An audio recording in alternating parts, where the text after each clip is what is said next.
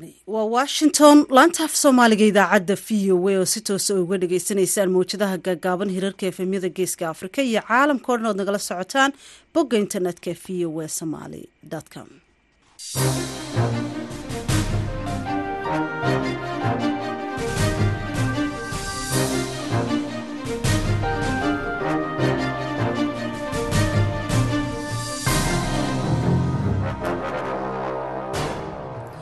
fiidnimo wanaagsan akhyaartana dhegaysanaysaay waa sabti labada bisha sebtembar labada kun iyo saddexiyo labaatanka idaacadda caawa iyo dunidana waxaa idinla socodsiinaya anigoo ah sahre ciidla nuur.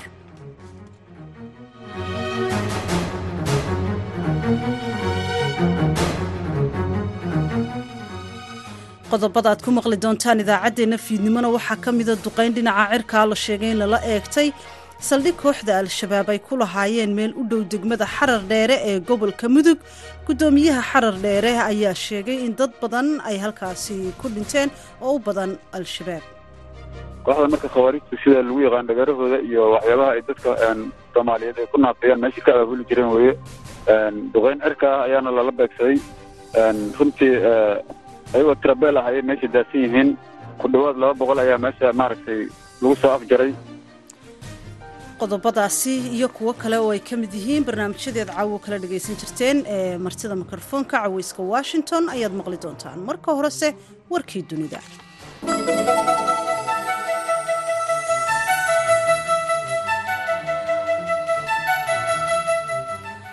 Mas'uuliyiin u hadlay dowladda soomaaliya ayaa sheegay in in ka badan konton ka tirsan maleeshiyada ururka al-shabaab lagu dilay howlgallo ka dhacay gobolka shabeellaha hoose qoraal ka soo baxay warbaahinta dowladda ayaa lagu sheegay in howlgal ay fuliyeen ciidamada dowladda iyo saaxiibadooda caalamka uu ka dhacay deegaanka loo yaqaano towfiiq oo hoos tago degmada kuntuwaarey iyagoo halkaasi lagu dilay labaatan ka tirsan maleeshiyada al-shabaab sida qoraalkaasi lagu sheegay wasaaradda warfaafinta ee soomaaliya ayaa iyana shalayto qoraal ay soo dhigeen.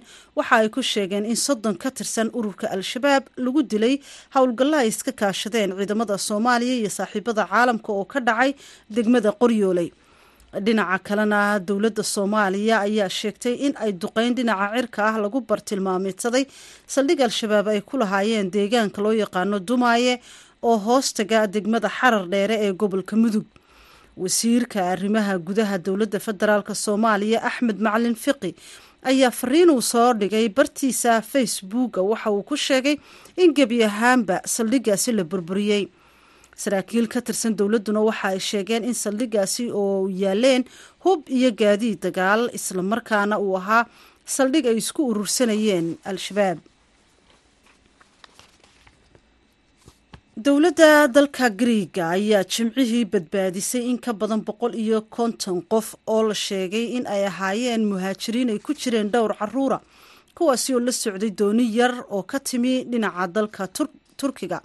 Islamarkaana ku sii jeeday jasiiradda bariga dalkaasi ku taalla ee aigan sida ay sheegeen ilaalada xeebaha griiga badbaadintan ayaa ku soo beegantay iyadoo uu sare u kacayo dadka ka imanaya dalalka bariga dhexe iyo qaaradda afrika ee u gudbaya dhinaca dalka griiga si ay ugu sii gudbaan waddamada kale ee yurub oo ay u raadsadaan nololtii ay ka yimaadeen ka doroon ilaalada xeebaha ayaa sheegtay in dadka muhaajiriinta ah loo soo kala qaaday lagu soo kala qaaday dooniyo ay la socdeen islamarkaasina la geeyey jasiiradda lesbos ee ku taala dalkaasi griiga ku dhowaad soddon qof oo ka mid ah dadka magangelidoonka ah ee u dhashay eritrea ayaa ku dhaawacmay rasaas ay ku fureen booliska israel kadib markii rabshadaho ay isku rogeen mudaharaadyo ay kaga soo horjeedaan dowladda eritrea oo ay ka dhigeen magaalada tel aviv sida ay sheegeen wasaaraddu isku dhacyada ayaa bilowday waxaana ay ka bilowdeen koonfurta magaalada talafiif ee caasimada dalka israel taasi oo lagu waday in lagu qabto munaasabad lagu taageerayo maamulkaasi ee safawarge kaasi oo ay soo qabanqaabisay safaaradda eritrea ay ku leedahay magaalada talaviv boqolaal ka mid ah dadka ka soo horjeeda dowladda eritrea ayaa iyaguna waxa ay iskugu soo baxeen halkii lagu dhigayey xafladaasi si ay uga soo horjeestaan asayaa safawarga iyo xukunkiisa. Booliiska ayaa u sheegay dadka in ay isku soo baxyadoodaasi sharci darre ay yihiin waxaana ay ku amreen in ay waddooyinka banneeyaan dadkaasi banaanbaxyada ah ayaa la sheegay in ay ka soo jeedeen dalka eritrea. Toddobi iyo labaatan qof ayaa lagu soo waramayaa inay ku dhaawacmeen rasaas ay ridayeen ciidamada ammaanka sida ay u kala dareeriyaan dadkaasi sida ay xaqiijiyeen goobaha caafimaadka ee dadkaasi la geeyey. Tirada dadka la geeyey goobaha caafimaadka waxa ay tiradooda lagu sheegay boqol iyo afar iyo toban qof oo ka mida dadkii goobtaasi yimid sida ay xaqiijiyeen saraakiisha caafimaadku. Intaasi dhegeystayaal waxaa ku eeg warkii dunida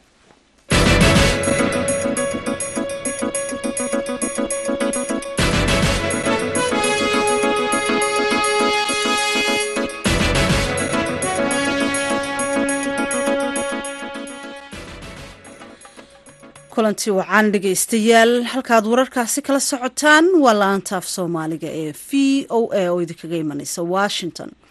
Aynu ku bilownay dowladda soomaaliya ayaa sidii aad warkaba ku maqlayseen sheegtay in ka badan konton ka tirsan ururka al-shabaab in lagu dilay laba howlgal oo kala dambeeyey oo ka dhacay gobolka shabeellaha hoose dhinaca kalena duqeyn cirka ah oo loo malaynayo in ay fuliyeen saaxiibada caalamka ee soomaaliya ka taageera la dagaalanka argagixisadu inay la beegsadeen saldhig ay al-shabaab ku leedahay deegaanka dumaayo loo yaqaano ee hoostaga degmada xarar dheere ee gobolka mudug. Maxamed deeq yuusuf kulmiye guddoomiyaha degmada xarar dheere ayaa v o eda u sheegay dad badan oo ka tirsan al-shabaab in lagu dilay duqeymahaasi mana jirto ilo madax bannaan oo xaqiijin kara oo khasaarahaasi waxaana warbixintan noo haya. Amaba waraysi la yeeshay wariyaha v o a cabdiwaaxid macalin isaaq waxaana uu waraystay guddoomiyaha degmada xarar dheere maxamed deeq yuusuf. Degmada xarar dheere meel hoos tagta tuulo hoos tagta oo la yihahdo dumaaye meel xero ah oo ay deganaayeen kooxda khawaarijta shabaab ayaa weeradaha maaragtay duqeyn looga sameeyey meeshaas. Runtii khasaare aada iyo aad u xooganaan lagu gaarsiiyey. Ilaa haddana runtii meeshii haba yaraatee sidii u daadsan yihiin wax haba yaraatee la qaaday ma jiraan. Inta hartana waa lagu dhamaystiri doonaa haddii aladmo goobo badanna waa hawsha waa ku socotaa insha allah. Guddoomiye goobta la duqeeyey bal haddaad dadka u sharaxdid maxay ahayd goobtu waa goob oo ay nimankani deganaayeen ay ka abaabuli jireen qaraxyada iyo weerarada ay ku qaadayaan meelaha ay ciidamadu degan yihiin oo abaabulka ugu xoogan ay maaragtay ka sameeyaan. Kooxda marka khawaarijtu sida lagu yaqaan dhagarahooda iyo waxyaabaha ay dadka soomaaliyeed ay ku naafiyaan meeshii ka abaabuli jireen weye duqeyn cirka ah ayaana lala beegsaday.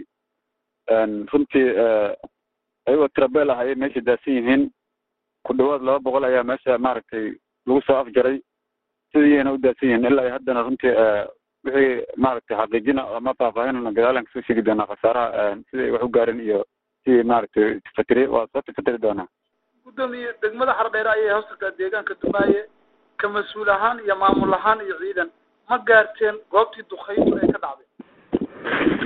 Runtii maadaama dhul hawda ah ay udhexeeyaan meesha duqeynta ay ka dhacday iyo xardheere ciidamadu waa kulaalayaan runtii meesha inay galaanna waa ku rajoweynaha insha allahu tacaala waana ku jihaysanahay haddii alla khasaaraha maleeshiyada gaaray kasukow ma la hayaa xog kale oo ku aadan in horjoogayaal sarsare ay ku jireen goobta.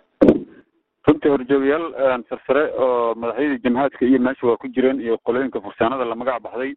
Meesha marka dadka shacabka ahi ma ka warbixi karaan maadaama howlgalka ay ayaga xubno ka tirsan ay qayb ka ahaayeen haddana waa waa dhamaystireenaa kulley waana ciidamadu inay galaanaan rajoweynahay oo la soo bandhigo khasaaraha sida meesha wax u gaareen wararka qaar waxay sheegayaan in maleeshiyada halkaa ay isku aruursanayeen islamarkaana ay doonayeen in duulaan ay ku qaadaan goobaha ciidamada ay ku sugan yihiin gobollada mudug iyo galgaduud arrintaa maxaa xog laga hayaa?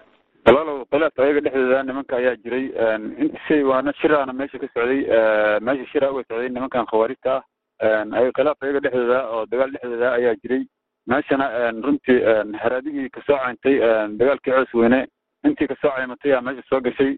Meeshaasaana lagu afjaray waana lagu dhamaystiray wax shabaab la yihaaho maanta mudug iyo galguduud joogana ma jiraan.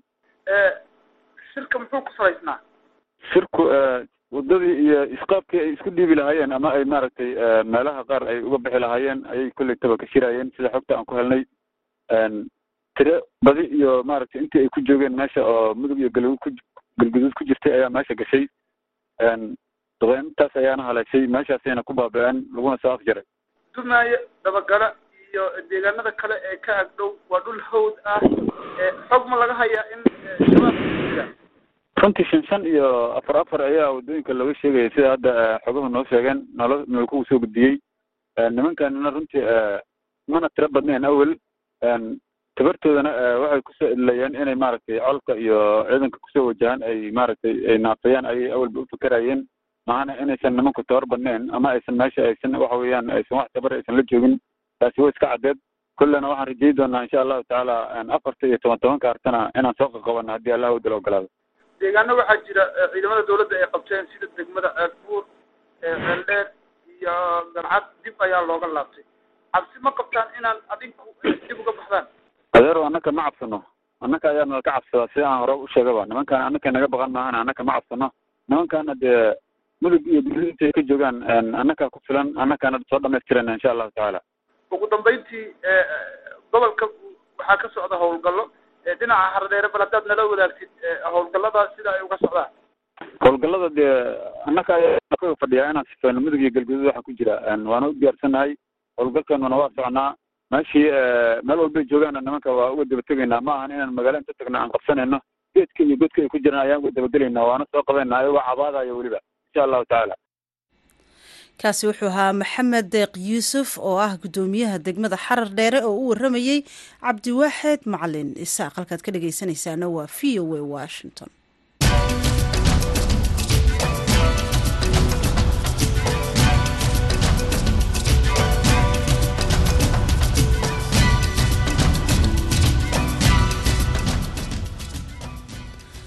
dhalinyaro soomaali ah oo ku sugan dalka kanada ayaa dadaal ugu jira sidii ay ugu sii nagaan lahaayeen dalka kanada kadib markii loo sheegay in laga mastaafurinayo sababo la xidhiidha sharciyada ay ku soo galeen oo cilado lagu sheegay aawadeed. Wasaaradda arrimaha dibadda ee soomaaliya ayaa ka hadashay inay ka warqabto xaaladda dhalinyaradaasi haddii ay gacan ka geysan karaan iyo haddii kale sidii loo baajin lahaa dadkaasi halkaasi ku sugan. Wariyaha v o a xuseen nuur xaaji ayaa warbixintan ka soo diray toronto. Sanadkii hore kanada waxay jebisay rikoord cusub oo ku saabsan tirada dadka ay keento dalkeeda. Ku dhowaad nus milyan qof ayaa la keenay dalkan. Dadka la keenay ayaa qayb ka ah qorshe ay dowladda kanada ku dhawaaqday oo sanad walba shan boqol oo kun oo qof lagu keenayo ilaa labada kun shan iyo labaatanka taasoo wax looga qabanayo shaqaalo yarida dhanka warshadaha iyo shaqooyinka joogtada ah. Iyadoo ay taasi jirto haddana kanada waxay dalkeeda ka masaafurisaa dad siyaabo kala duwan ku soo galay dalkan kuwaasoo ay u aragto inay jebiyeen sharciyo ama aanay dalkan ku soo gelin si sharciga waafaqsan. Dadka ay suuragalka tahay in la musaafuriyo waxaa ka mid a dhalinyaro soomaali ah kuwaasoo sannado kala duwan jooga dalkan siyaabo kala duwanna ku yimid. Cabdulaahi muuse wuxuu ka mid yahay dhallinyaradaasi wuxuu xilli sii horreysay iga warramay walaaca ka haysta arrinkan waa mahadsan tahay walaalkay horta daraadadan horta in muddo aanu soo wadnay meelo badan waan la soo marnay. Hadda dhalinyartii badankood waxaa la marsiinayaa process oo ah in dib dalkooda loogu celiyo taasoo anagana u aragnay inay xaqdaro tahay oo sharci darsi maaragtay xoog ah oo maaragtay jujuub ah dadkan lagu celinayo marka hadda waxay maraysaa dadkii qaarkii in laga seexay deputationkii qaarna maxaa la soo marinaya processki kaleeto. Marka haddaan waxba laga qabanin ilaa hadda waxay ku dhammaan doontaa in nin walba maalin diyaarad la saaro marna hadday bilaawato in qof la saaro dan kulligood way isku xigi doonaan. Soo intaana qofna diyaaradda la saarin waxaa fiican in dadaalka la laabo soomaalidu soo baxdo laisgarab istaago haddii hal qof lagu guuleysto in arinta laga joojiyo waxay noqonaysaa in dhammaantood laga joojiyo waayo dhalinyarta dhan dhammaantood waxaa lagu wada haystaa hal kiis oo isku wada mid ah. Marka haddii hal xab lagu guuleysto dhammaantood waa lagu guuleysanaya waa tahay cabdulaahi waa sidee dareen ahaan xaalkiina marba haddii sida aad sheegtay qaarkiin loo soo diray ee waraaqo lagu musaafurinayo. Maalin kasta baanu sheekaysanaa dhalinyarta anaa ka mid ah waxaanu gaaraynaa ilaa iyo afar boqol oo dhalinyaro oo gabdhay wiilila isugu jiro waana dhalinyaro oo maxaa lahay da-dooda u dhaxayso ilaa labaatan ilaa soddon jir ah. Marka isbuuc kastaanu kulannaa qaaraanu isla shaqaynaa qaaraanu isla digannahay qaaraanu isku xafidnahay isku banooniyo isla dhelinaa maalin kastaanu is dhibaatooyinka haysta dhalinyartaasi walaahi ma maleyn kartid qaaraa shaqadii ka fadhiistay qaaraa waxbarashadii ka fadhiistay qaaraa xitaa hadda waxay gaareen heer ah in dhakhaatiirtooda u tagaan oo maaragtay dawooyinka maskaxiyan loo bilaabo in la siiyo. Intii yar dhaqaaqayso intanada hadda u ordayso oo rabtay in aan maxalalahay ka wacyigelino inaanay arrintaanayto maxalalahay maskaxdooda waxba u dhimin. Haddaan waxba laga qabanina waxaa weeye la arki doonaa dhalinyaro badan sidana in dhibaato badanoo maskaxiyan soo gaarto inkastoo cabdulaahi uu sheegay inay gaarayaan afar boqol oo qof haddana wakaaladda xuduudaha kanada waxay tirada ku sheegtay boqol toddobiyo konton qof. Sheekada dhallinyaradan ayaana soo socotay tan iyo labada kun sagaaliyo tobankii. Dhallinyaradan oo qaarkood horey sharci u haystay ayaa lagala noqday kadib markii lagu eedeeyey in dalkan ay ku soo galeen baasaboorro aan ahayn kan soomaaliga taasoo shaki gelisay soomaalinimadooda. Laakiin waxay ku adkaysanayaan inay yihiin soomaali. Abukaat cabdulaahi barrawool wuxuu ka mid yahay dadka u doodaya dhallinyaradan si ay sharci u helaan. Wuxuu tilmaamay in faragelinta dowladda soomaaliya ay muhiim tahay si ay u caddayso soomaalinimada dhallinyaradan xuseen dhallinyaradan waxaa haysta walaac weyn oo ay ka qabaan tarxiilka mataqaanaa ka qabaan ayaa haysta. Marka annaga dadaal weyn ayaan wadnaa oo laba weji leh dhinaca siyaasadda iyo dhinaca sharcigaan wadnaa. Laakiin dadaalkeenna keliya kuma filna. Waxaan u baahannahay dowladda federaalka soomaaliya inay soo dhex gasho oo wiilashan ay soo caddaysa inay soomaali yihiin wasiir ku-xigeenka wasaaradda arrimaha dibadda soomaaliya isaaq maxamuud mursal oo loo yaqaano isaaq fanax oo shir uga qaybgelayay magaalada toronto oo aan la kulmay ayaan weydiiyey inay ka warqabaan xaaladda dhallinyaradan iyo waxa ay u qaban karto dowladda soomaaliya. Dowlad soomaaliya uma furno gacmeheeda uma furno inay ka jibaabto ama ay kala gorgortanto dalka canada waayo muwaadinkan markuu asalkiisa soo galaya soomaalinimo kuma soo gelin. Saas darteeda waxaan is leeyahay annagoo dadaalo badan iyo muwaadinka soomaaliyeed inaan u adeegno jecel laakiin waxaan gacmaheena xiraayo oonan awooddeena suurtagal u noqonaynin in qof muwaadin ah laakiin markii hore waddan kale markuu galayo aqoonsi kale ama baasboor kale ku soo galay inaan u doodno lanooma ogola waana sharci caalami amase wax ii sheeg oo adduunku isku waafaqsan yahay. Marka dhalinyaradii soomaaliyeed hadda waxaa noo furan inaan u ducayno wax badanoo soomaaliya hadda ay ka geli karta gartaan sida ay ku soo galeen darteeda ma jirto. Ilaa iyo hadda ma jirto qof la musaafuriyey oo ka mid a dhallinyaradan lamana oga inta uu qaadan karo kiiskooda. Xuseen nuur xaaji v o a toronto. Mahadsaned xuseen nuur xaaji haatana dhegeystayaal ku soo dhowaada barnaamijkii martida mikrofoonka iyo jacfar kukaay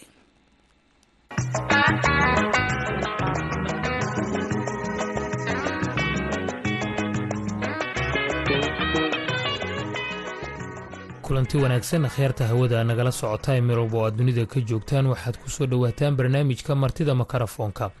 Toddobaadkan waxaanu ku soo qaadanaynaa ururka brikes la magac baxay ee ay ku bahoobeen dalal ay ugu tuun wen yihiin jina rushiya indiya brazil iyo south africa. Dhowaanna waxaa ku soo biiray wadamo kale oo ay ka mid yihiin masar iyo etoobiya kuwo kalena howshooda ku biirista ah ayaa socota. Haddaba waa maxay brikes muxuu saameyna oo uu ku yeelan karaa dunida iyo weliba qaaradda afrika. Muxuuse ka bedeli karaa isku dheelitirka quwadaha adduunka. Suurtagalse ma tahay in uu booska kala baxo reer galbeedka. Su'aalahaasi iyo kuwo kaleba waxaa ka jawaabaysa oo barnaamijka marti ku ah wasiirkii hore ee arrimaha dibadda soomaaliya xildhibaan fawsiyo yuusuf xaaji aadan. Xildhibaan marka hore ku soo dhowow barnaamijka martida makarafoonka marka xiga waa maxay briks maxayse tahay saamaynta ama galaangalka uu ku yeelan karo afrika. Waxaad moodaa afashiinuhu hadda inuu xooggiisa saaray africa muddo iminka muddo laga joogaba khaasatan intan ay brigska organizationkan cusub ay samaysteen. Shan iyo toban sano jire ma cusbeen brigska la yidhaahdo ah brazil russia india iyo china. South africana sanad kadib ku biirtay haddana ay shan iyo tobanka dal waxaan leeyahay lixda dal ku soo darsameen oo ay maaragtay ballaariyeen si ay waxoogaa tartan ula galaan g seven iyo africa development bankan i m f ka iyo iyo maxay ahayte well banka oo ay samaysanayaan new development bank marka chinesku siyaasado badan buu ciyaarayaa dhaqaalaha adduunka wuxuu rabaa inuu maaragtay isaguna ka faa'iidaysto afrikana khaasatan uga faa'iideeyo.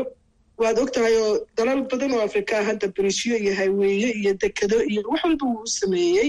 Sababtuna waxay tahay reer galbeedku africa waxay ka qaataan materialkii oo ayrin ama gaas ha noqo betrol ha noqoto ama beero ha noqoto ama macaadin ha noqoto. Wixii oo iyagu aan loo ogolayn africa inay warshado samaysatee ay laga iibsado wixii oo qaaliya lagu soo celiyo laakiin chinesku siyaasad kaleu ciyaaray oo uu leeyahay idinkuna faa'iidaysta anna aan faa'iidaysto. Groupkan kale ee brigska ay la noqdeen shantan afartan dale hore ee la saaxiibka ahaa iyo lixdan dambe ee ku biiray wax weyn weyn oo isbeddel weyn bay keeneen sababtoo ah awal boqolkii shantaa hore waxay ahaayeen afartan dhaqaalaha adduunka populationka adduunka ama dadka adduunka ku nool boqolkii afartan bay ahaayeen waxaanay ahaayeen soddon dhaqaalaha adduunka laakiin imika waxay noqdeen lix iyo afartan. Iyo iyo iyo iyo dhowr iyo soddon. Waad buu dhaqaalihii u koray xag markay isku darsadeen awooddii waxaa chinesku rabaa maaha keliya waa kan silk roadka waxaa la yidhahda sameynaya adduunka o dhan ku soo wareegaya. Wuxuu rabaa keliya maaha inuu inuu inuu maaragtay isagu keligii faa'iidee. Wuxuu rabaa global southka ama waxaan loo yaqaano dunida koonfurta ee reer galbeedka aan ahayn. Inay gacmaha isqabsadaan oy kor u kacaan oo ay maaragtay wax wada qabsadaan. Sababtoo ah daacdhiiri bay ku jiraan. Runtii ruushka oo security councilkii ku jira ayaa la geliyay cunaqabatayn iiraan waa la socotaa. Marka waxa weeye waxay rabaan iminka dalalkay ku soo darsadeen ee ah masar sacuudi arabiya imaaraadka etoobiya iiraan iyo argentiin. Intaba waxay u eegeen istraatiijiyooyin bay ka arkeen. Sacuudi arabiya iyo imaaraadka dhaqaale ayay ka helayaan. Fara badan oo bankan development banka ay degelin doonaan. Egypt iyo etoobiya oo afrika ah iyaga waxay u arkeen istraatiijiyooyin kale ka dhex arkeen oo laba daloo waaweyn oo egyptna ay ay masar ay dee north africa iyo carabtii iyo gacanta ku haysato middle eastkii influence ku leedahay. Etoobiyana ay geeskii africaba influenceka ugu weyn ku leedahay. Marka meelo badan buu chinesku wax ka eegaya inuu dhiso africa oo afrikina kor u kacdo oo win win situation waxa la yidhaahdo. Ay labaduba kala faa'iidaan buu chinesku qorshaystay saaxiibana wuu u helay. Maaragtay hawshaa ku ku howlgeliyo. Way. Laakiin chineska marka waaqica la eego africa waddooyinka iyo dekedaha uu dhisayo waad aragtay waa dayn waddamada uu gelinayo. Ugu dambeyntii markay iska bixin waayaanna sidaan aragnayba wadamo horey u dhacay uuba kala wareegay guud ahaan dekedihii. Dadka qaar baa qaba inuu culays dhinaca daynta a gelinayo si uu markaasi ugu helo awood uu dalkaasi ugu soo dhowaado amaba uu ula wareego wixii markaas uu dalkaas u sameeyey sida dekedahoo kale iyo waddooyinka iyo eeraboorada adiguna waxaad leedahay aan kala faa'iidaysanna weeye wixiisa sidee labadaas arrin isku qaban kartaa aniga waxaan u malaynayaa taasi waa dacaayadda reer galbeedka. Saasaan anigu u malaynayaa. Waa la arkay xildhibaan wadamo uu dekedihii kala wareegay. Waxaa la sheegay zimbabwe baa la sheegi jiray. Zimbabwe waxaa la soo xaqiijiyey boqolkii toban inuu ku leeyahay dayn daynka adduunku ku leeyahay boqolkii toban inuu chinesku ku leeyahay. Chinesku yes highweye way dhisaan highweyaday dhisaanna dee lacagtay geliyeen baabuurta maraysaa laga jiraa toolka waxaan la yidhaahdo meelaha qaarkood dalalka qaar. Laakiin dalal badan baa jiro u ballan qaadeen inaan waxbaba ka rabin ay grand siinayaan. Marka aad iyo foka shirkan ay afrika u qabtaan dhowrkii sanaba lacag aad u fara badan bay ku bixiyaan. Marka chinesku wuxuu rabaa isna inuu faa'iido afrikana u faa'iideeyo oo gaajada iyo rafaadka iyo rooga ka kiciyo. Inuu afduubo oo dhaco oo anigu ma qabo fisi ahaan ma qabo inuu chinesku rabo inuu afrika baabiyo laakiin inuu wuxu taro ayuu rabaa. Midda kale dalalkan hadda ku mid noqday brigska hadday tahay india hadday tahay china lafteeda hadday tahay south africa imaaraadka dhammaan xidhiidh adag bay leeyihiin galbeedka reer galbeedka waxay rabaan inay qolo waliba interestkeeda gaarka ay eegaysaa. Xaggan maxaan ka helaya xaggan maxaan ka helaya xaggan maxaan ka helaya marka chinana waa giant waa cimlaaq weyn oo soo socda laga yar werwersan yahay. Laakiinse anigu ma qabo fikirka inuu afrika cuno oo dayngeliyo baabiyo waxeeda dhacuu rabaa. China way ka weyn tahay wax maaragtay afrika intay ku soo noqoto rabto inay dhacdo. Reer galbeedka iyo iyo iyo china keebaa u roon baad isleedahay africa qolo waliba horta interestkeeday eegaysaa aniga waxaan haddaan rabo inaan hore u kaco aan meel gaadho horta inaan labadaba xidhiirkii lalahaada waa dan baa iigu jirta. Labadaba inaan sida dala etoobiya yeesho. Etoobiya ayaa galbeedka uga dhow. Brigskiina way gashay. Soo garan maysid. Ruushka cilaaqad bay la leedahay.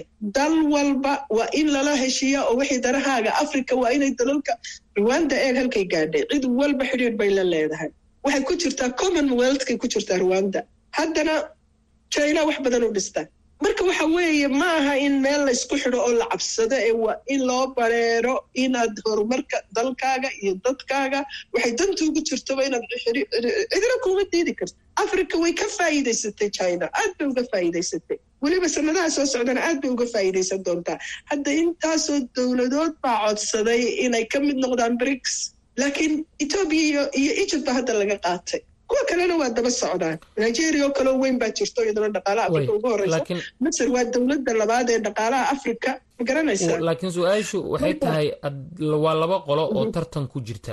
Haddii ay timaado mid dooro labadooda keebaad is leedahay danta africa way ku jirtaa anigu ma qabo su'aashaa sidaa aad u dhigtay uma qabo jacfar waxa weeye waxa dantaydaan qorshaynaya meel saaraya waxaan kan uga baahnayna waa ka qaadanaya wanogay kanna waxbaan uga baahnay kanna waxbaan uga baahnaa adduunkii wuxuu noqday meel yar oo maaragtay meelo meelo kookooban looga taliyo. Marka inaad cidna cadow ka dhigato ma fiicna laakiin inaad u cabsato hebel waddan hebel baa ku ataaga ama kumaagibna ma aha.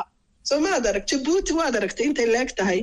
Imise dowladood baa bays ku leh oo iska wada horjooda oo iswada nacab oo cola waa inaad dantaada ka eegtaa ma qabo anigoo in la yidhaha africa china way dhisaysaa mana burburinayso mana baabiinayso. Galbeedkana dana kale waaweyn baa lagu qaba because dhaqaalihi adduunka iyaga gacanta ku haya. Hadda waktigan marka labadaba in la anigu ma kala doorteen. Labadayda gacmood baan ka dhigi lahaa. Waaya markay soomaaliya timaado waxaad jirta dad fara badan. Afrikaana soomaali ah wadamadaas degan maraykanka iyo canada iyo iyo iyo ingiriiska iyo kuwa la midka ah ee dhaqaalo ku bixiya oo dib ugu celiya wadamadoodii qoysaskoodii ay ku tiirsan yihiin.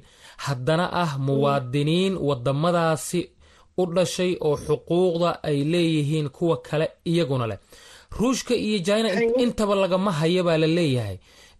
Haddii marka awooddii dunida ay la wareegaan hadda booska booska maraykanka iyo ingiriiska iyo canada iyo haddii ay galaan qolyahaasi maxaa dhibaato ah oo ka soo gaari kara africa horta umana umalay maayo dhowrka boqol ee soo soo socda inay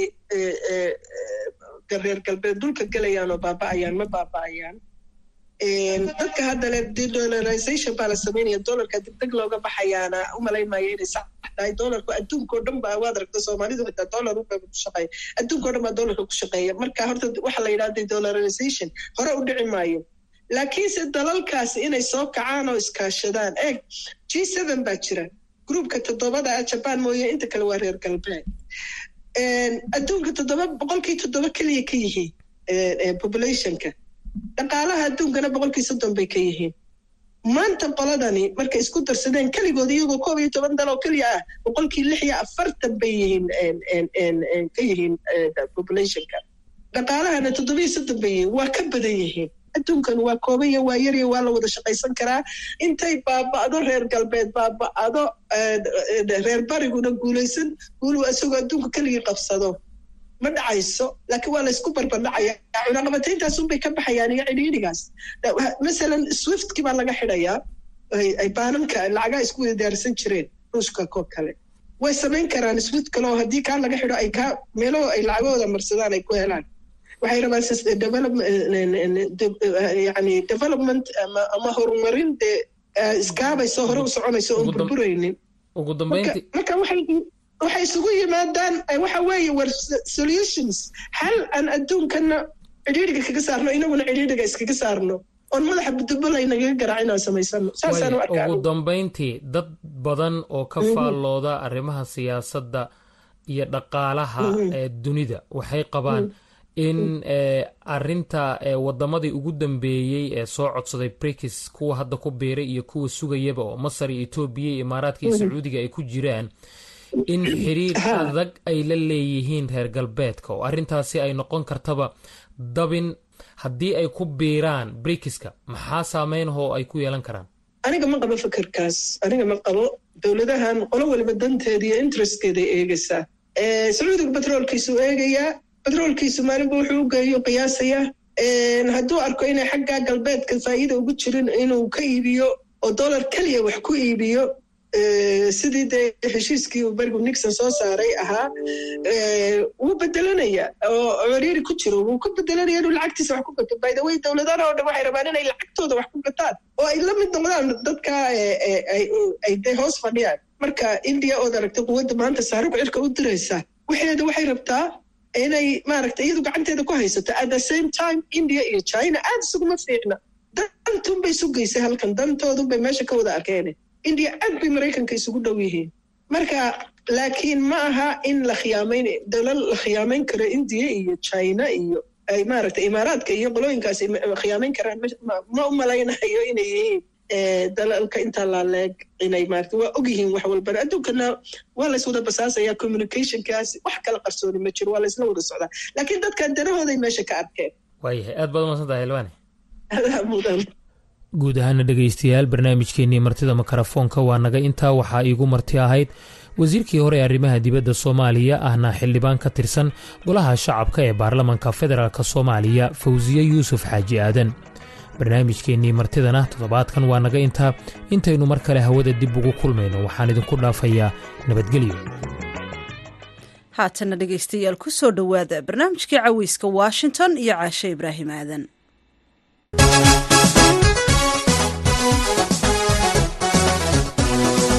Wacan dhegaystayaal waa mar kale iyo barnaamijkii caweyska washington caawana waxaa barnaamijka caweyska washington aad ku maqli doontaan. Ma dhegaysan miya. Haye bal hadda noogu dhufay qadar yar. Ubax iyo man iyo sidaa mira ku yaalla mahamaren muuqaal quruxsane war lagaa maqliyo mudashada damida ku macaanida. Waa abwaan cabdulaahi cabdi shube waxaan kaloo barnaamijka caweyska washington caawa aan idinku maqashiin doonaa. Afar boqol iyo toban iyo afar qofaa baxsatay markii hore oo waalan. Laakiin hadda waxaa soo xarootay lix boqol iyo toban iyo lix qofaa soo xarootay. Laba boqol oo qof ku dhawaada ku soo darsantay oo aan markii horeba tixda ku jirin isbitaalkana hore ugu jirin kana baxsanayn waa sheeko xiise leh oo ku saabsan dad madaxa looga jiro oo baxsaday iyo xirfaddii loo adeegsaday in dib loogu soo xareeyo goobtii lagu hayay waa caawa iyo caweyska washington aan ku bilaabee dad madaxa looga jiro ayaa ka baxsaday goobtii lagu hayay ee lagu xanaaneynayay. Dadkaasi oo ay tiradoodu ka badnayd afar boqol ayaa waxay ku faafeen magaaladii ay ku taalay xarunta. Waxaana la garan waayey qaabkii loo soo aruurin lahaa oo dib loogu soo celin lahaa goobtii lagu hayay. Goortii ay dhacday sheekadan iyo sida ay u baxsadeen iyo xirfaddii loo adeegsaday dib isugu soo ururintooda ayaa waxaa nooga sheekaynaya jacfar kuukaay oo caawa barnaamijka ila jooga. Jacfar soo dhowow caasha waa mahadsan tahay. Kun sagaal boqol lixdankii waqti hadda lixdan sano laga joogo iyo weliba googo xilligii jamaal cabdinaasir oo wadankaas madaxda ka ahaa magaalo cabaasiye la dhaho masar ku taalo ayaa inta khilaaf uu soo kala dhex galay maamulkii iyo waardiyayaashii ayay waardiyayaashii dayaceen ee dadkii waalnaa ay ilaalinayeen. Marka fursada uga soo baxday meesha dadkii waalnaa habeenkaas waxaa isbitaalka ka baxsatay afar boqol toban iyo afar qof oo waalan oo magaaladii dhex galay. Cabaasiye ahayd oo magaaladii qasay oo labay oo dhibaato ka geystay oo waddo walba taagan oo dadkii dhagaxyeynaya oo dhibaato geystay marka dadkii caadiga ahaayay dhex galeen oo si looga sooca ma lahan kuwana waxay iska noqdeen kuwo iska degan oo dadka dhex fadhiisto ama guryahooda iska aaday oo dhibaatadaas aan qayb ka ahayn. Marka marka dadkii marka marka dadkii caadiga ahaa afar boqol oo waalwaalana dadkii soo dhex galay. Marka si looga soocana lama yaqaan. magaaladii magaaladii isla dhex galay marka lamana kala yaqaano lama kala sooci karo. Waabaa ku baryey marka maamulkii isbitaalka xataa madaxweynaha baa soo farageliyey baa layidhi xilligaas. Marka waxaa loo yeeray dhakhtar la dhihi jiray jamaal abulcazaayim oo ahaa dhakhtarka dadka waalwaalan oo xabsigaas laftirkiisa ka shaqayn jiray oo dadkaasi xanuunsanaya nafsiyan u daaweyn jiray oo sida loola dhaqma aada u yaqiinay.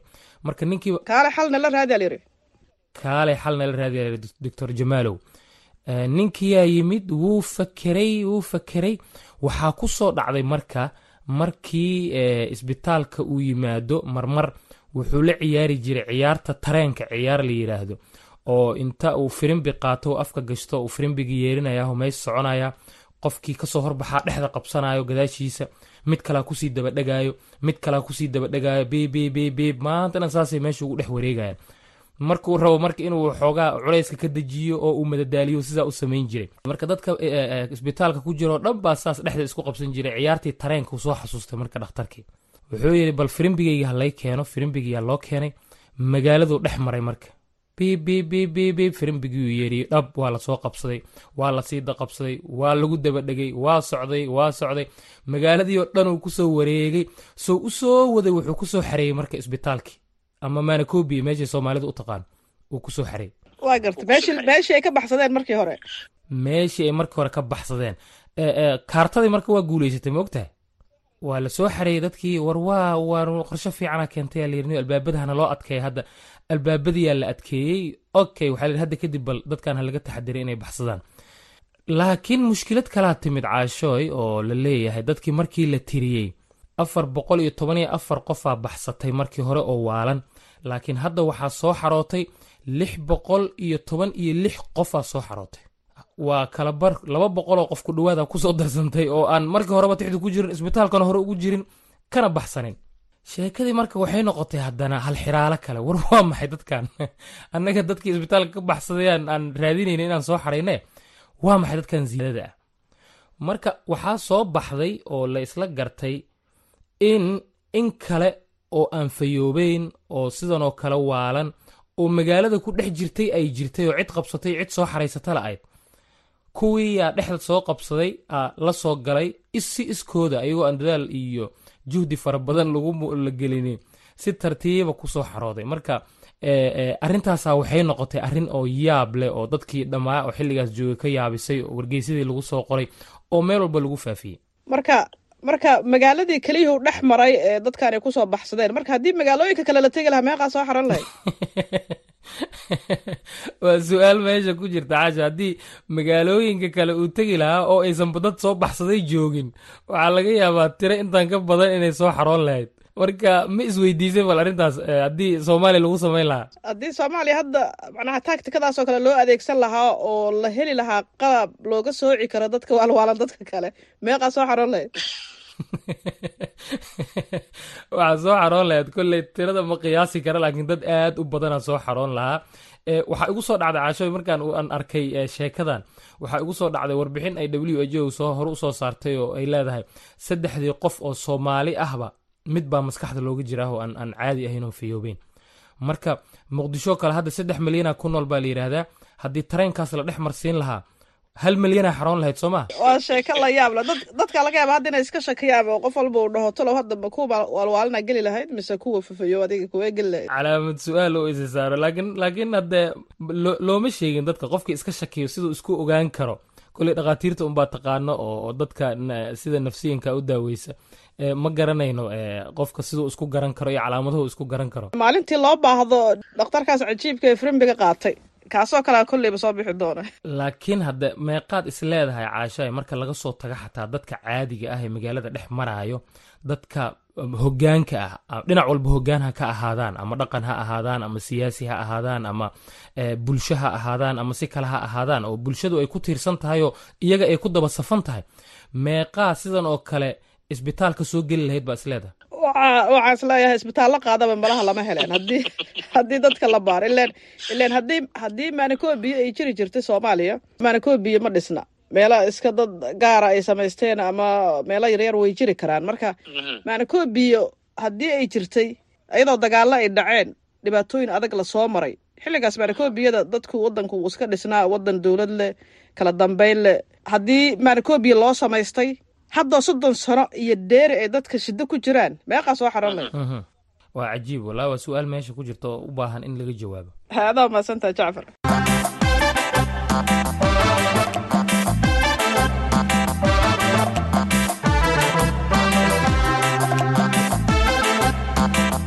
Abwaan cabdulaahi cabdi shube waa abwaan iyo mucaashaq aad u fahmay macnaha guurka iyo jacaylka waa abwaan hees ammaan iyo duca isugu jirta u sameeyey xaaskiisa. Weliba aan cid kale ku aaminina isaga ugu luuqeeyey heestii uu u sameeyey xaaskiisa. Abwaan shube barnaamijka ayuu caawa marti igu yahay caweyska washington. Waxaana uu nala wadaagayaa sirta iyo xigmadda guurka wanaagsan. Abwaan shube ku soo dhowow barnaamijka. Waxaad iigu bilowdaa marka hore. Horta barnaamijkan caweyska washington ma dhegaysataa wallaahi marmar waa la kulmaa anigu waa iska silaan isaga mashquul badnaayo laakiin marka aan arko waa ka helaa. Barnaamijkaasaad caawa ku casuban tahay oon rabaa in aad la caweyso cabdulqaadir cabdi shube waxaa tahay nin abwaana oo hal abuurka lagu yaqaano. Maxaad jeclaan lahayd caawa in barnaamijkan aad nagula caweyso aniga waxaan aada u jeclahay hees hawleedada maarag taasaan carruurta uga sheekeeya moogta hees howleedyada waxaad ka warantaa tusaaloo kale dhalinyaronimada maxaad ka aaminsan tahay? Qofka markuu marka la yidhahdo qofkaasi waa dhalin yar yahay ama waa dhalinyaro macnaheedu maxay tahay maxaad ka aaminsan tahay qofka inuu dhalinyaro ahaado? Qofku inuu dhalinyaro ahaado aaminaad ma lehe dee waa nolosha caadiga ah oo qofku markuu dhalinyaro yahay waxaa la rabaa inuu waxbarto nolosha dhabtaa fahmo qof isu diyaariyo dal iyo dad sugayo baa ka aaminsanahay dhalinyarada in laga rabo waa ka gudbaynaa. Maxaad ka aaminsan tahay jacaylka? Jacaylku waaba noloshayda hay waaba noloshaada waaba noloshayda moogtahay gabadha aniga ay qabto maaragtay. Soddon iyo sagaal sano aniga lay qabaa moogtahay adaa lagu qabaa? Muxuba ismaal anagay qabtaa. Haddayan iyadu isku kaayahayn mar horaanu sinci lahayn moogtahay marra waaxid haye. Marka waa aragtay soo maaha inaan u heesay oo oo. Waabad u haystay? Xilligaas ay yah waabad u haystay muxuba soo maaha muxuba maxaan ma dhegaysan miya. Haye bal hadda noogu dhufay qadar yar in yaroo bilaa muusiga. Muxuboy macaan macaan macaan muxuboy macaan macaan yah wow ubax iyo man iyo sidaa mira ku yaalla mahamareed muuqaal quruxsane war lagaa maqliyo mudashada damida ku macaanida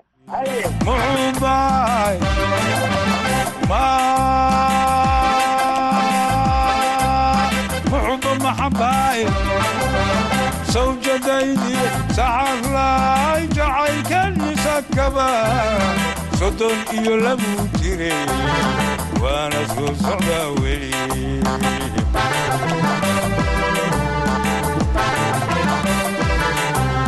jacayl sugan jacayl saxan saafiyo qalbiga galay jacaylaan ka suulay sadriga iyo laabto u samaysan xidgada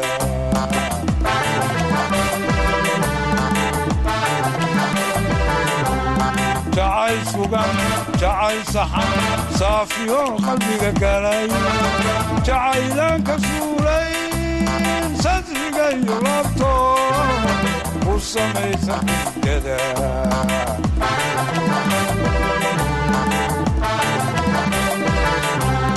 intaan dunida saarahay sadban kaaga dhigaya samawada idiqda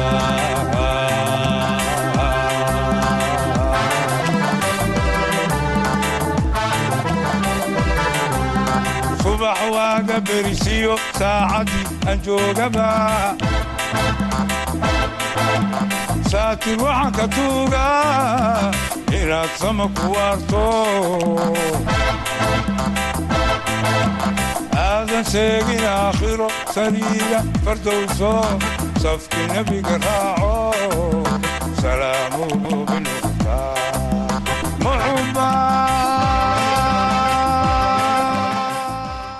dumarkii ay ka soo hartay. Dumar bay wax dheer tahay. Muxuba dumar la mid ma aha waaw. Marka aniga jacayl igama maree. Xaggiisa lagaama soo maro jacaylka. Inna lilahi wa raajicuun. Jacayl ba haddii la sheego waa aniga marxalad kale galaysaa jacaylba ma la sheegay. Suba iyo mu- suba iyo muxub baa laga soo deeyaa. Suba iyo muxub baa laga eegaya jacayl haddii la sheego. Waayahay abwaan shube abwaan shube bal bal dad badan ayaa laga yaabaa inaysan ku kuba fahmaynba oo abwaan shube muxuu sheegayaa iyo waxaan aad ka hadlayso iyo dad baysan malaha u bilownayn. Marka bal haddaad fasiraad yar ma bixin kartaa oo dadku ay ku fahmaan. Oo fasiraad noocee ah? Jacayl maxaa la yidhaahdaa? Jacaylku waa jacayl. Kalgacaylku waa beer baxda sida dhirtoo kale. Waa bili adduunyada boqorku ugu talagalay. Waa barasho laba ruux wax ka soo bilowday bugti iyo caafimaad bale mid aan baranin wow baas. Badow waa u daran yahay. Wax u baana sheekada booqashaduna wow sharaf maogtahay jacaylku caadi maaha jacaylku caadi maaha ya ha jacayl waa jacayl marka marka marka laakiin abwaan kalena wuxuu yidhi waa macaan iyo qaraar. Hadba siduu kuu soo maro. Marka adiga qaybtii macaaneed baad aragtay soo maha. Anigu macaankaan arkay maogtahay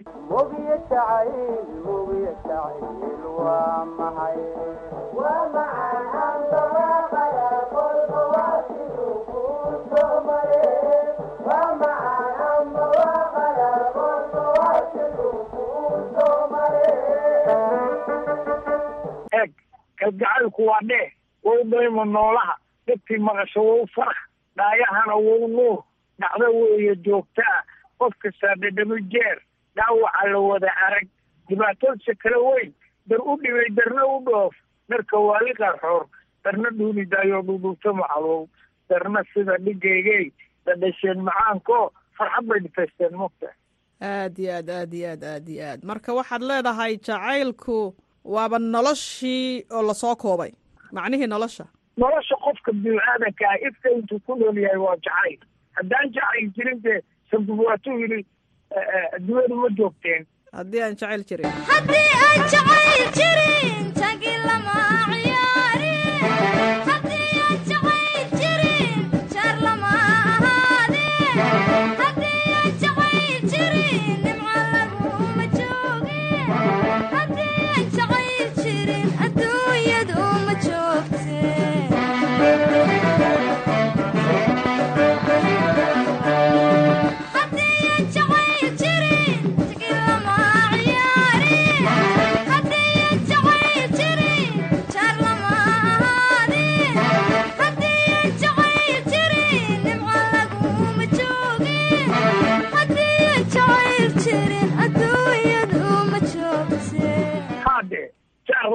ahaadeen mugta aad iyo aad aad iyo aad. Marka marka heesta muxubo muxubaad u samaysay? Ha oo adaa sameeyey? Ha muxuu baan u sameeyey. Anaa u sameeyey weliba anaa ugu heesay. Dadka kale uma ogolo inay ku heesaan. Adaa waxaaga isku dubtay oo daangaystay? Ha marka muxuba heestaasaad u qaaday siday u dareentay? Ilaa lilahi maxaa maxaa maxaa maxaa u dareemi weyday waxa weeye shan iyo toban jir bay ku noqotay. Haye hadda waxay isu qabtaa inay jiro maalintii la guursay siddeed iyo toban jirkeedii. Maxaa ugu wacan marka? Heestaas sidaa shee yeelaysa miyaa? Heesta keliya ma ahayn jacaylku waa jacayl. Waxaa jira jacayl dhaba naga dhexeeya aniga iyada maogta dhowr iyo soddon sano uu jiraa guurkaaga. Welina kuwo kalena waa soo socdaanaad tiri bal waxaa jirta dhalinyaro badan oo intay guursadaan. Haddana guurkii aan xididdo adag u taagayna markiiba haddana lagu kala cararayo maxaad maxaad u sheegi lahayd waaya aragnimadaada? Guurku cashacuudey waa nolosha koowaad ee laga helo raaxada iyo qalbi wanaagga iyo degenaanshaha iyo sharafta. Wuxuu u baahan yahay marka in run laysku guursado been yaryar waa la dhex gelin karaa taasoo odhanaysa reerku caawo si xaaladdu ka tahay. Marka odagu u yimaado inuu yidhaahdo barisma haddii waagu baryo meel walba khayr ayaa ka soo qolqolaya waa barwaaqoobaynaa lacag baa la helayaa noloshu isbedelaysaa waa raaxaysanaynaa. Insha allah inuu ku qalbi qaboojiyo guurku wuxuu ku xasilaa in laga ilaaliyo meelagalgalka iyo gogoldhaafka iyo haddii wiilku uu meelagalgal badan yahay hadhowdii shaki baa iska jiri kara.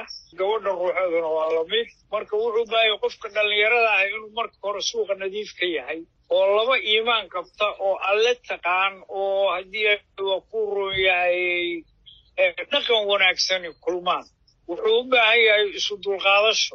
Gafku waa dhici karaa khaladku waa dhici karaa. Dhallinyarada waxaan kula talinayaa marka inaan lagu dheelin guurka lagana ilaaliyo marka la isguursanayo beenta.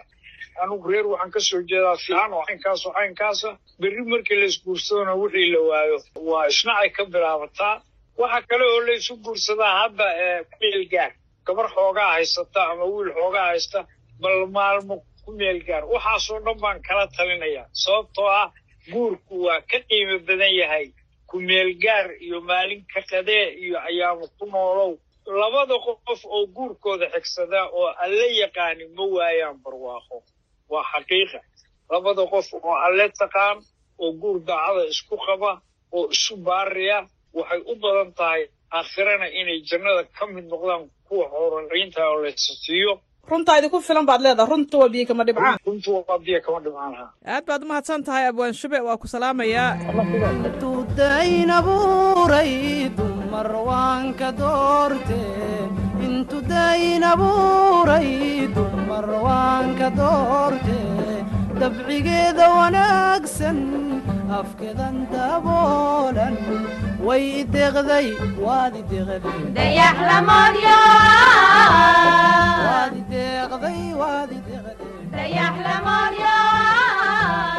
waad ideeqday waad ideeqday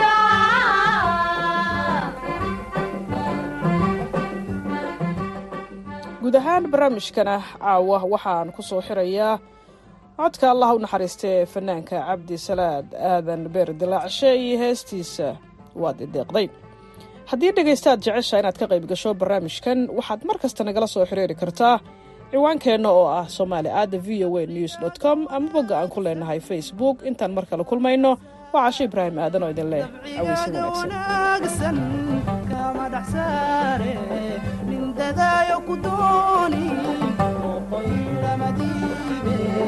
waa inaad u dadaasho darxumu dhanka dhowrto waad ideeqday waad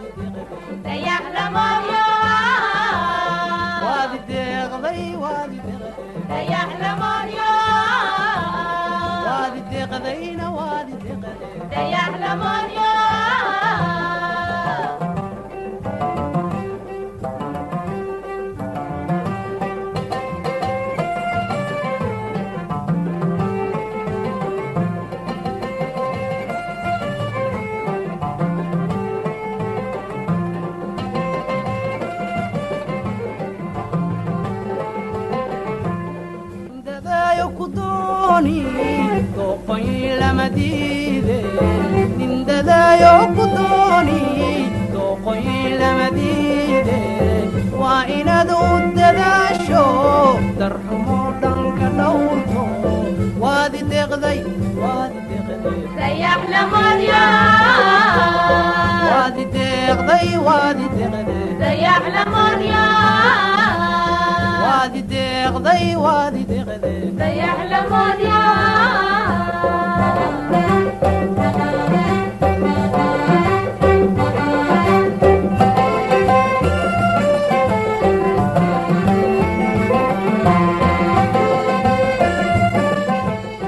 aad ba umahadsantahay caashe ibraahim aadan oo nala socodsiinaysay barnaamijkaasi caweyska washington. Halkaad nagala socotaan waa v o a washington. Haatan qodob ka mida wararkii haddii aan idin xasuusiyo dowladda wadanka griega ayaa sheegtay in jimcihii shalayto ay soo sameto bixiyeen boqol iyo konton qof oo cusub oo tahriibayaala oo ay caruuri ku jiraan kuwaasi oo la socday doonyo yaryar oo ka yimid dhinaca turkiga kuna sii jeeday jasiiradda dalkaasi ku taalla ee loo yaqaano egen waxaa la sheegay in dadkani ay ka kala yimaadeen waddamada ku yaalla bariga dhexe iyo qaaradda afrika. Iyada oo aanay ahayn markii ugu horeysay toddobaadkan ee dad sidaasi oo kale tahriibayaalah lagu badbaadiyey biyaha waddamada ku yaalla yurub. Intaasi haddaynu warkaasi ku soo dhaafno mar kale dhinacii heesaha ayaynu ku nasanaynaaye. Xabiibo xasan tooxow codkeeda aynu maqalno